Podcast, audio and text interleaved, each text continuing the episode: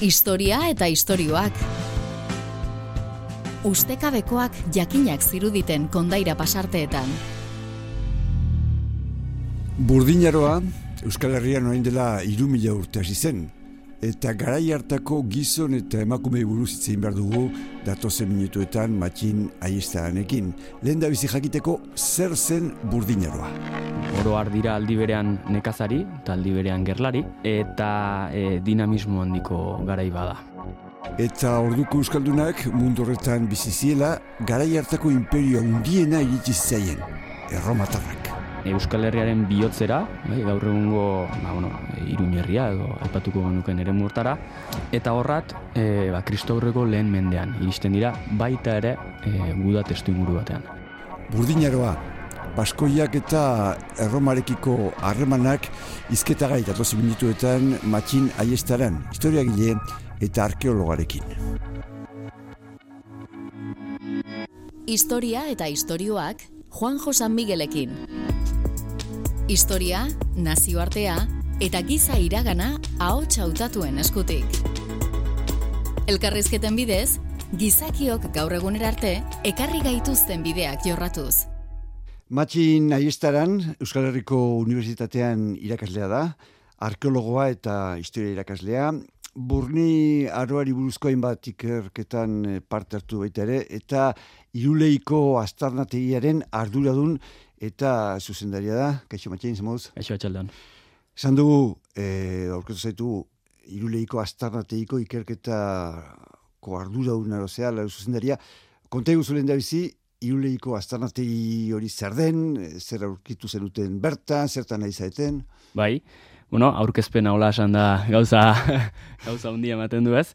E, lehenik aipatu nahi nuke, ni hemen nahola talde baten, e, bueno, talde bateko partaide izanik. Ba, tu arantzaiko zea. Hoi da, eta ikerketa hori berare bai, irulegiko ikerketare bai, e, taldean egiten duen gauza bada, noski ba, bueno, ardurak banatzen dira ez, baino, e, pixka bat e, zuzendari papera itea tokatu zait, eta hori da, ba, bueno, taldean koordinatzaile esango genuke, edo pixkat e, ba, parte harraraz legisa, bai? Orduan, e, irulegin sakonduz pixkat, e, badaude bi fase nagusi, irulegiko mendian zehar gizakia bizi izan dudalako, eta bertan e, ibili izan dudalako e, milaka urte, e, oen dela milaka urtetik, eta bi fase nagusi daude. E, lehenik egongo zen e, burdinaroko erriska, burdinaroa aipatuta, ba, e, erranen genuke, kristo aurreko lehen milurte osoa, bai? Mm. Ba daude gero barne banaketak eta ez, baina e, burdinaroa ulertuko genuke kristo aurreko e, ondale iru mila urtetik, ondela bi mila urte arte. Eta hor bada e, erriska txiki bat, e, ba, gerora ia ia hiri bihurtzen dena, eta e, erromatarre, erromatarrak iristearekin, kristo aurreko lehen mendean, ba, baduena bere e, ba, bueno, e, episodio e, violentoa edo errango genukena, eta e, hor duela gutxi hasi gara ikerketekin, baina bigarren fasean, dela e, mendi berean da ona, baina gaiurrean, e, erdiaroko gaztelu badago, kristo ondorengo amaika garren mendetik, mm garren mende bukaerara, e, bitarte e, ba, bueno, bizi izan zena gaztelu hori. Eta e, hori ikertzen, amar urte pasa ondotik, ba, bueno, ja badago, e, ongi ikertua eta ongi musealizatua, e, joan nahi duenak aztarnak orditu ikusteko, eta beraz, e, bi, bi fase, hori da. Guri gaur gehiu interesatzegu burdin mhm. aroko hori, burdin aroa, aipatzen dugunean, e, zertaz ari gera? Zer, e, nola bizitzen jendea gara hortan, zer, zer da burdin aroa? Bai, burdin aroa, e, lehen erran bezala ez da, une konkretu bat, bai, mi urteko oso bada, eta bueno, gero kronologiak tokiaren araberakoak dira, eh, aldakorrak dira. Eta e, beraz, ba, bueno, mi urteko hortan zehar ikusten ditugu burdinaro ezberdinak. E, ba, siran brontzearoaren antza handia du, eta gero ja bukaeran izango du e, erromatar garaiaren antza gehiago. E, ezberdina izan zen e, eremu ezberdinetan, bai, eremu Atlantiarrean izan zuen bere izaera, eremu Mediterranearrean ebai, eta noski, e, ba, bueno, mendialdean ere. Eta Euskal Herrian, e, bueno, nabarmentzen dira, erritmo eta izaera ezberdin horiek, ez hain anitza izanik e, gure lurra, ba, ba, ala da. Eta e, ba, kasu hortan, ba, ebro arroa ikusten dugu asko zirekiagoa dela e, mediterraneoari, eta momentu hortan mediterraneoa da e, mundu mailan e, loraldia bizitzen ari den eremu bat. E, ikusten ditugu egungo Bizkaia eta Gipuzkoan zati handi batzuk e, erakusten dutela eremu Atlantiarreko e, dinamikak eta bueno, gero ja mendialdeak eta bere dinamika propioak ditu, eh. Hoi ja e, altuago dago eta hor beti e, bueno, estrategia beste beste batzuk dira. Bai, e, aipatu behar dare bai, egungo iparraldeko eremua, akitaniari e, lotzen zaio noi, oso, oso gutxe ezagutzen den arren, e, ba, e, pixka bat iduridu, ba, horregungo Nafarroa iparraldeari edo Gipuzkoaren e, antza izanen zuela, eta e, aldaketa nabarmeneko garai bat, e, bezala deskribitu behar dugu burdinaroa. E, oro dira aldi berean nekazari, eta aldi berean gerlari, bai?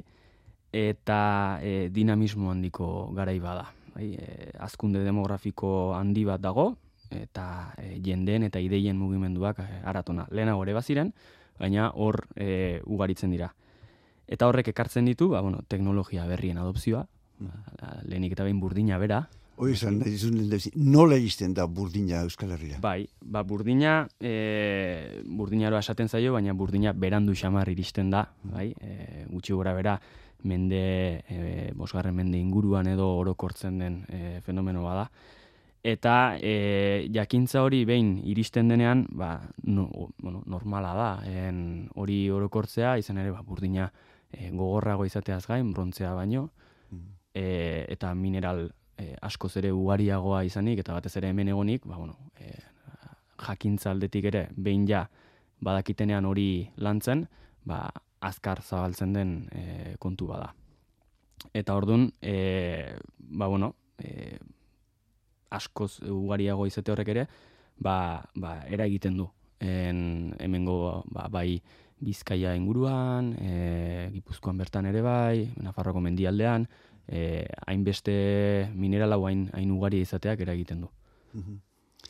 Horre, esan duzu, bi mila eta, dema, bueno, iri, e, mila urteko hori jarriko dugu, e, joan dila, kristo horreko mila urte eta kristoren garaila arte, hor, amairaldera, bueno, azkenengo berreun urtetan edo kristo horreko berreun urte nago, erromatarrak egitzi zian e, Euskal Herriera, ze, ze aurkitu zuten, ze mm. E, harreman izan zuten hemen aurkitu zituzen Euskaldunekin?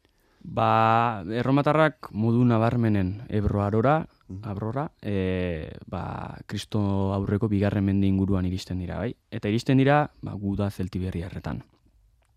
E, lehenagotik harremanak nola baite edo, ba, egon goziren ez, batez ere e, Mediterraneoko kostaldetik hurbil eta e, Ebro navigablea izanik, e, seguraski harremanak e, ba, batez ere Euskal Herriaren hegoaldean ba, egongo ziren, baina hor momentu hortan hasten da egiazki pixuzko e, bueno, ez dakite harremana edo e, ba, iparraldearen konkistan hasten direlako erromatarra ez? Eta ebro harroan, olako mugimenduak daudenean, hain naiz solasten hogei mila, hogei tamar mila e, ba, soldaduzko e, e, jertzitu ez eta bar, bueno, eski iparraldean nabaritzen da, ez? Eta e, Nafarroako gainerako eskualdetan nabarituko zen, eta seguraski e, goitixogo, ba, ere bai, ezpazuten beraiek zuzenean parte hartu mertzenario gisa. bai, alare, Euskal Herriaren bihotzera, bai, gaur egungo, ba, bueno, e, iruñerria edo aipatuko genuken ere murtara, Baskoien lurraldearen bihotza e, ba, nola baita esatearen, ez? Erromatarrek deskribitzen dituzten e, iri ezberdinak, mende ezberdinetan deskribitzen dituzten iri ezberdinen erdialdea iruñerria da, eta horrat, e, ba, kristaurreko lehen mendean, iristen dira, baita ere, e, guda testu inguru batean. Mm. Gerra zibil baten testu inguruan, gerra sertoriaren e, garaian. Eta kristaurreko irurogeita margarren amarka da hortan, e, ba, dirudinez, e, bertako neutralitatea, etzen izan, e, balizko aukera bat, eta ba, baten alde edo, edo bertzean alde egin behar izan zuten, eta noski ba, garai e, ez onak bizi.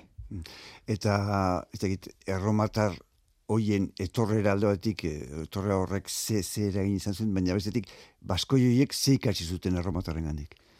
Ba, hoi galdera oso ona da, da zaila da, erantzuteko, ze batez ere galdetu ezin diegulako, ez? Mhm. E, ba, bueno, gu saiatzen gara aztarna materialitatik e, iragana ikertzen, eta saiatzen gara ba, jarraikortasunak eta aldaketak atzen baten, ez? Eta, bueno, oroar ikerlariek ikusten dutena da, e, erromak etzuela, erromatarrek etzutela bertako jendartea, o jendea, erabat e, desegin, bai? Hile edo esklabu hartu, e, oi bertzetoki batzutan e, gertatu baitzen. Hemen gertatzen dena da, mende bat pasatzerako, ba, e, gutxi gura bera, en, erromatar sisteman txertatuta gelditzen dela, e, hemen goien dartea, ez?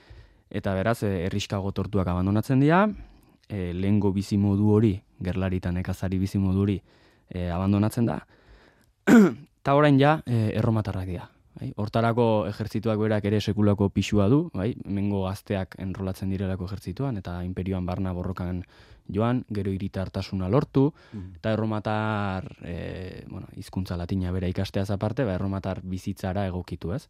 Hoiek dira... Esan genezake, erromatarrek amaiera manziotela Euskal Herrian burrin aroari. Hoi da, bai, bai, bai, erabat. Historia eta istorioak. Itza, hotza eta soinua. Lehen esan duzu, eta hori nik uste dut, e, bueno, batez Europan antzematen da, baina burdinaroa hitz egiten dugu, baina burdinaroa e, leku bakoitzean modu diferentean garatzen da. Esatu bateako, mhm. ba, Euskal Herrian, besteleko batzutan baino, bosteun, sortzion urte beranduago e, garatzen da e, burdinaroa. Hor, e, Europan esate bateako, garapen ezberdin hori duten herrialdek eta bazuten elkarren berri, e, burniaro hortan, e, bazeon harremanik, no, nola zan? E, bai, bai, bazeoen, e, bazeoen harremanik eta bazeuden noski berezitasun e, nabarmenak, bai, ez? E, ba, gure lurralde dagokionez Euskara horietako bada, gero e, ba, bueno, erromatartzeak e, erabat e, deus estatu etzuena, eta e, ba, harremanak ere bai, e, bertze urrunagoko herrialdekin adibide bat emateko, e, Kastejon, bai, Nafarroa aldean dagoen e, herria da, Kastejongo El Castillo e, nekropolian, ba, azaldu ziren e, eskarabeo egipziar batzuk.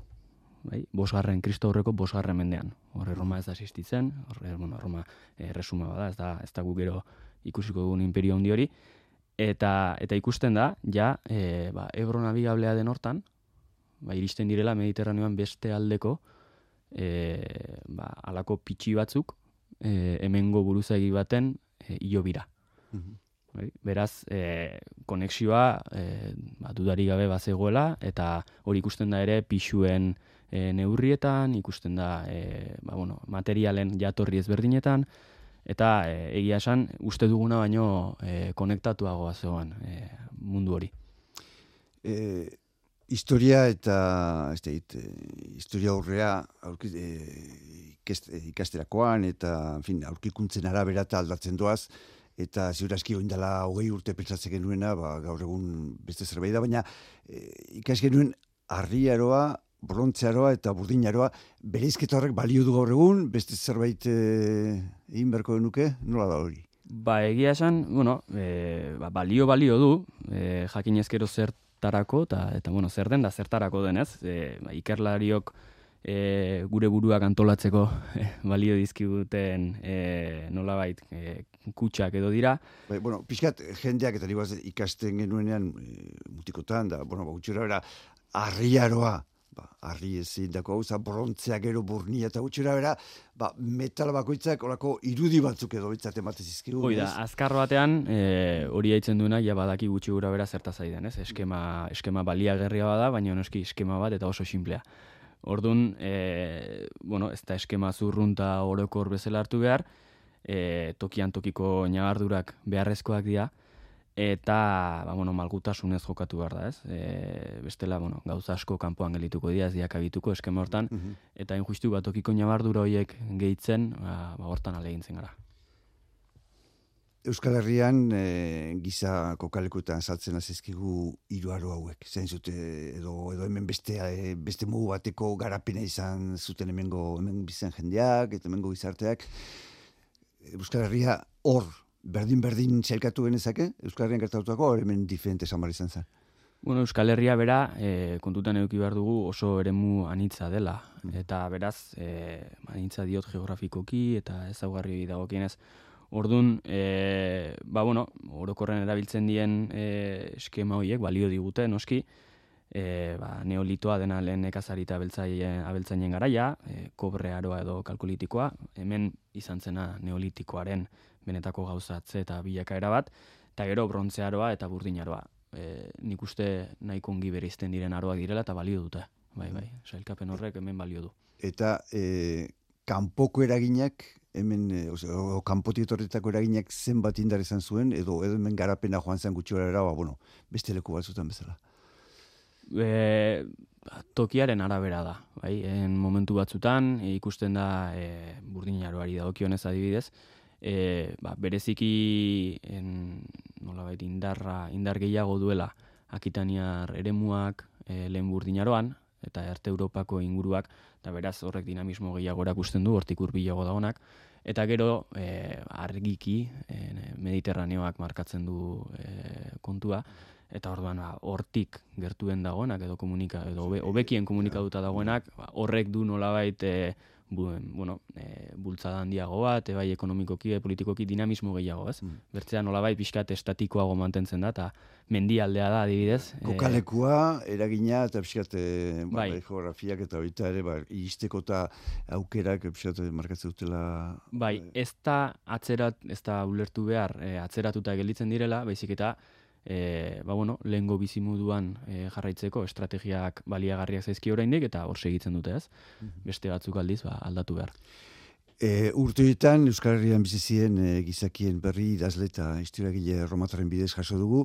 Garai hoietan, ezberdintasun handiak altzuden Euskal Herria barruan esate bateako ala ezagutzen ditugun talde guztiak antzera zeuden. Esan zutu antxe izan duzu ez, bueno, badagoela baina pixat, e, osotasun bada, edo ez, edo gutxura bera goian edo iparraldea mugu batea bizian, landa e, ere muetan beste mugu batea, edo lautadan, ezagit. Bai, bueno, lehenik esan behar da, iturri datziak ez direla e, guk nahi bezain ugari, e, zabalta fidagarriak ez, da orduan oso tentu zartu beharreko kontua dela. Aurreko batean, e, itzien genuen erromatarri buruz, beste horako bai. elkarrezketa batean, eta mertxek, e, bai, bai, bai, bai. Ba, aitu emakumeak esate zigun, e, gauza bada erromatarrek idatzi zutena, eta beste gauza bada gero arkeologiak adirazi diguna, eta oso ezberdina ira. Bai, bai, bai, ez, azkenean erromak idatzi du e, bere begietatik, eta bere modura, eta berari interesatzen zaizkion gauzak, mm interesatzen zaizkion bezala kontatuta.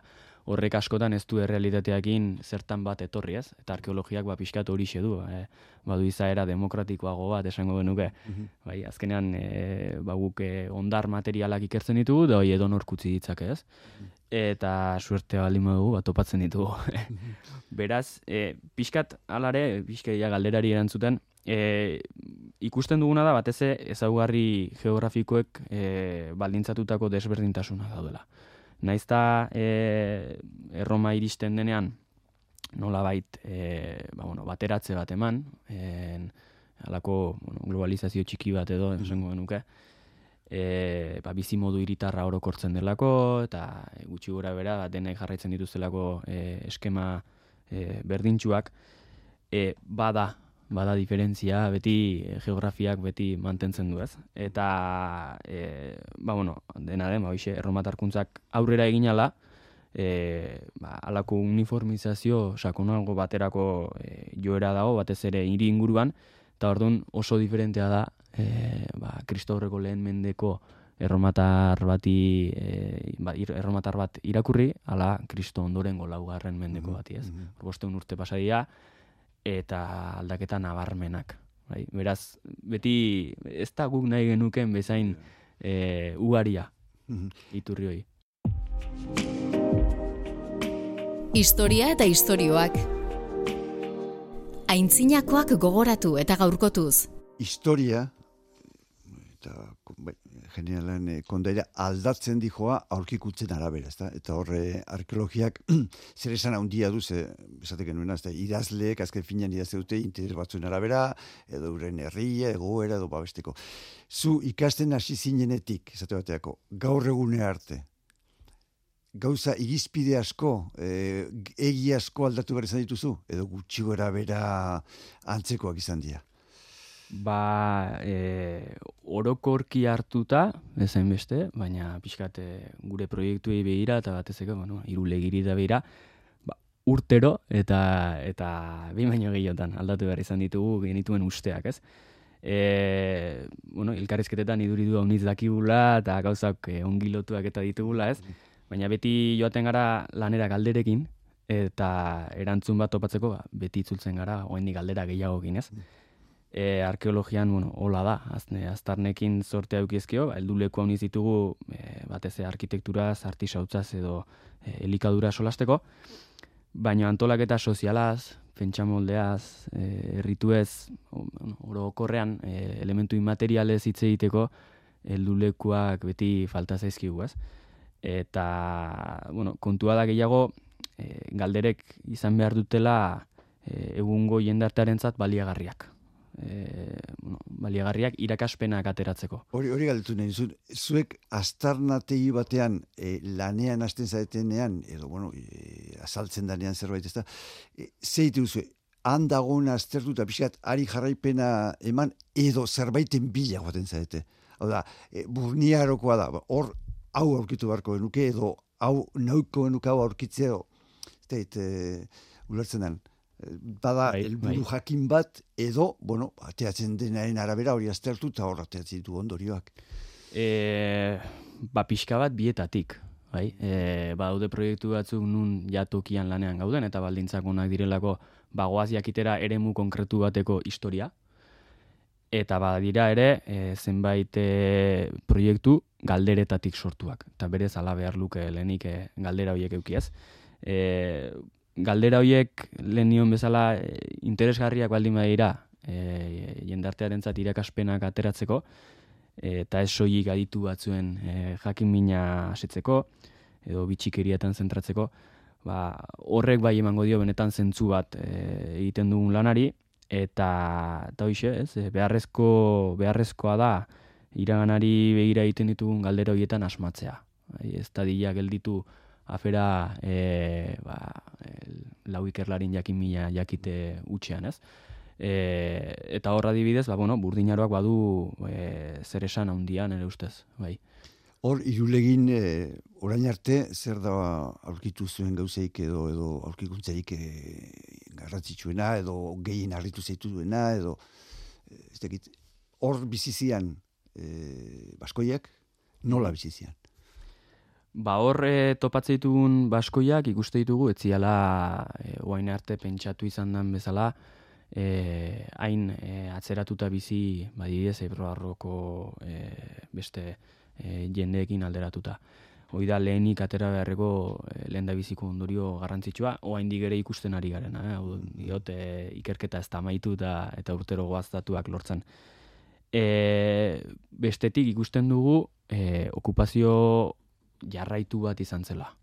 Hau da, e, e, okupazioa, e, gutxi gora bera, kristaurreko ba, banion bezala, e, lehen milurteko hortan erabakitzen dute, arrazoi baten gatik edo beste gatik ez guko hipotesiak baditugu, baina erabakitzen dute gaiur batera igo, e, sekulako ikusgaitasuna duen e, gaiur batera igo, eta e, hain komodoa ezten e, bizimodu bat eramatea erriska bat, konzentratua, arresitua, bai, lehen erabakitzen zuten bezala brontzearoan e, bizi behar zutela, ba, gu gaur egun bezala, ez, e, ibaien ondoan, e, laborantzarako lurre e, emankorren ondoan, ez, hauek erabakitzen duten momentu batean, arat gora igo, eta behaien burua defenditu behar dutela. Segurtasuna, da, itxuraz, e, hori da, hori da, ez, e, ere momentu ez egon korba mm ez egon kortasuna handikoa, kausa haunitz badia, eta e, ba, demografiaren azkunde batekin eta bertze, ba, bada e, beraiek badituzten e, e, baliabide ekonomikoen kontrol e, kontrol baten nahiak eramaten dituela e, ba, badiru dienez bintzat, e, erabaki hori hartzera eta gero berresten dira erabaki hortan mila urte e, inguruz erromatarrak iristen diren arte. Mm esaten da, edo sarri komentatzen da, eta lehen esaten genuen, ez da, e, astarnak eta, bueno, ba, idatzi berriak edo, historian e, gauza berriak azaltzen dienean, askotan lehen genituen egi batzuk, eta batez mitoak desein egiten dira, ez da, e, ez da, askotan e, guk genituen aurre iritziek edo mitoiek, ba, atzera bota behar izatea edo kostatu ite zaigu, ez da? eta berri hon hartzea. Bai, eta batez lehenago gu gehonek e, esanak baldin badia, ez? Bai. Hor bada beste afera garrantzitsu bat, ez? E, nire ustez, gu orain garena garela, eta e, orain izatea erabaki duguna, eta ez ikertzen dugun hori. Bai, beraz, e, nolabait gu gure burua ikergaietik e, bere izi behar dugula, Eta, eta bueno, ba, nahi genuke esan alizan, ez, ikertzen ditugun e, jendeak, berdin da ze garaitakoak, ba, bazirela ba, munduko jende e, oberenak, ez? Mm -hmm. zirela e, bakezalenak, berdin zalenak, justuenak eta barrez. Baina hoi e, zinezkoa da, ze beste garai batean bizi ziren, beste baldintza batzuten, beste balio kultural batzuekin. Mm Eta orduan, e, ba, bueno, horri buelta bat e, eman beharra zaio, eta pixka bat hortik e, apartatu puntu bat. Eta, eta gero, ba, bueno, komunitatea elkartzeko, bueno, arau etikoak ezartzeko eta bertze, ba, e, mitoak edo ipuñak balio du, historiak ere badu bere, bere funtzio hori ez. Mm. Baina historiak badu beste funtzio garrantzitsuago bat, e, nire ustez, eta da, ba, irakaganetik e, irakaspenak ateratzeko gai dela. Mm. Eta hori dela injustu, e, ba, bueno, mitoak edo ipuñak edo ez duena azken e, urte hauetan kostatzen zegu hori, ez kostatzen zegu historian ados jarri eta bizkate objektibo samarrak izaitezken gauzako onartzea, ez da? Oin ez tegit. Bai, en objektibotasuna e, atzematea ezinezko afera bada, baina denak ere ez du balio, ez? Mm -hmm. pixka bat behar da horrekatu eta batez ere azken amarkadetan e, zientziari orokorrean intzaizkion e, kritikak aintzat hartu bai, baina denak ez du balio. Mm ez? Orduan, jarraitu behar da nola baiteko ba, bueno, alegin bat behintzat egin objetibotasun erantz. Lehen eh, aipatu duzu, bueno, gutxera zer dan eh, arri aroa, borontze aroa, eh, burdin aroa, burdin aroari buruzko, bueno, ezaguarri nagusiak ezagutze ditugu, baina aro hortan aldaketak izan daitezke, ustekabekoak izan daitezke. Bai, eta e, gure lurraldei dagokionez, e, oendik eta gehiago e, ba, batez aztarnategi asko topatu dialako azken e, urteetan, baina oso aztarnategi gutxi e, industu dira, eta beraz e, dugun ezagutza nahiko mugatua da. E, amarren bat tokitatik e, lortutako ezagutza daukagu. E, orduan, ere muzabalak daude oraindik deus e, industu gabe, eta e, burdinaro barneko garai konkretuetan ba, sekulako utxuneak daude, esate bateako, Eta orduan, ba, bueno, e, egiten goazen e, lanek, ba, pixka bat, e, ea puzlea osatzeko ekarpenik egiten duten. Eta puzle hori osatzeko irulegin pieza gorkituko ditugu, edo? Ba, ba dirudi momentuz bintzat, bai ez, ze irulegia da bere e, sorpresatxoak ematen, eta hoxe, ba, dugun informazio utxune hori betetzeko, e, ba, aletxo e, garrantzitsua da. Ba, helenik iruñerrian dagoen, e, ba, e, induskatzen den bigarren erriskada bat esan sol zen, hori laro gehigarren amarkadan e, muru astrainen dagoen haua e, induskatua zen, eta gaur egunean, hola, e, indusketa handi bezala, area zabalean eta holako informazio ematen duen indusketa bakarra da iruñerrian. Handik gora, handik e, Nafarroa iparralderuntz eta e, ba, hor galdera gehiago ditu oraindik, ez? Eta egiteko gehiago. Eta irulegin e, izan zuen ustekabekorik handien edo? Ba, ba bere amaiera da e, ustekabeko handia, e, ba, nola erasotua izan den, eta topatzen dugun e, irulegiko erriskako azken fasea, errekuntza batekin, eta, eta gero hor abandonatzen den, bai? Eta bigarren ez usteko nagusia da, e, nola e, etxe hoien azpian, badauden etxe gehiago, eta iritsi gintezken e, ba, oso luze denboran, behiaia mila urte inguru atzera egitera, e, nola, ikusteko nola izan den egiazki burdinaro deitzen zaion e, mi urteko horren ibilbidea. Osea, bauzu urtetarako lana. Badu urtetarako lana, eta eta hortxe momentuz gustorari gara, eta hola egiko dugu. Ba, matxin aiztaran, mila mila esker, zure azalpena batik eta horrengo arte. Mila esker zai. Historia eta istorioak Juan Josan Miguelekin. Historia, nazioartea eta giza iragana ahots hautatuen eskutik. Elkarrizketen bidez, gizakiok gaur egunera arte ekarri gaituzten bideak jorratzen.